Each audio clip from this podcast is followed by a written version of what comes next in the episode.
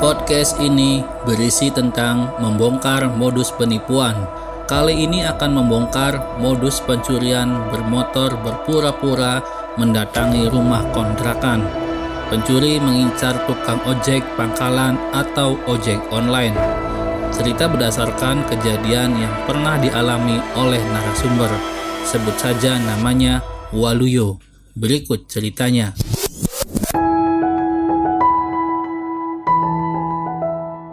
Siang yang terik matahari di kota besar tidak mematahkan niat Waluyo mencari nafkah sebagai tukang ojek pangkalan. Selain mencari nafkah untuk keluarga, Waluyo juga memiliki beban cicilan sepeda motor yang baru diambilnya beberapa bulan lalu.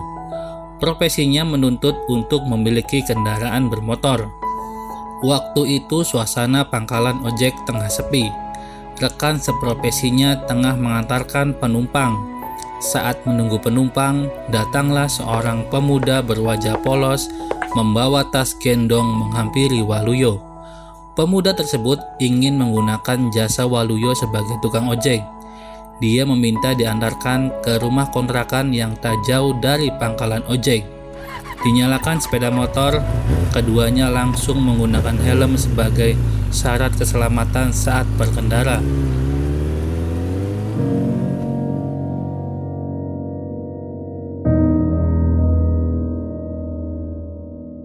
Selama perjalanan, keduanya berbincang hangat. Pemuda itu mengaku dari kampung. Kedatangannya ingin berkunjung ke rumah saudara dan berniat ingin usaha mencari nafkah untuk keluarga.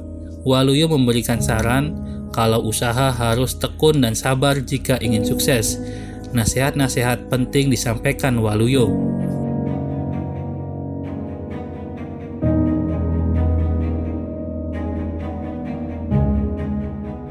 Selang 15 menit, sampailah di rumah kontrakan yang berada tepat di pinggir jalan. Rumah kontrakan dalam keadaan terkunci. Pemuda itu langsung mengetuk pintu beberapa kali. Sepertinya tidak ada jawaban dari dalam rumah. Kemudian pemuda berpakaian rapi ini langsung mengambil handphone dan menelpon seseorang. Karena bising dengan suara kendaraan, ia menjauhi Waluyo. Selang lima menit, pemuda itu kembali menghampiri Waluyo. Dari pengakuannya, saudara sekampung penghuni kontrakan tengah berada di luar rumah. Saudaranya menyarankan untuk mengambil kunci serep yang dipegang pemilik kontrakan. Agar tidak menunggu lama, pemuda itu meminjam motor Waluyo untuk mengambil kunci ke rumah pemilik kontrakan. Jaraknya hanya 500 meter dari rumah kontrakan saudaranya. Sebagai jaminan, barang bawaan sengaja ditinggalkan. Waluyo langsung memberikan kunci motornya Pemuda itu pun bergegas pergi. Setengah jam berlalu, pemuda yang membawa motornya itu tidak kunjung datang.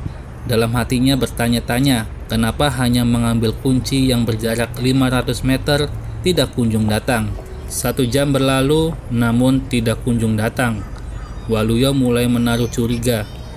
Ia langsung menggali informasi dari sekitar rumah kontrakan datang seorang laki-laki parubaya menghampiri Waluyo.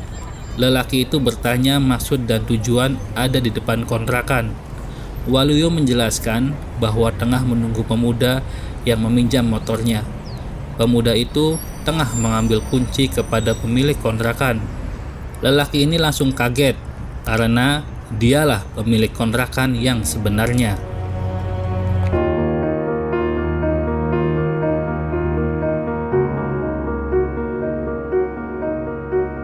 Mendengar informasi tersebut, badan Waluyo langsung lemas. Dia baru menyadari kalau motor kreditannya dibawa oleh pencuri. Rasa kesal menyelimuti hatinya karena rasa iba berakhir musibah. Warga langsung menghampiri Waluyo dan mengantarkan ke kantor polisi terdekat untuk membuat laporan pencurian kendaraan bermotor.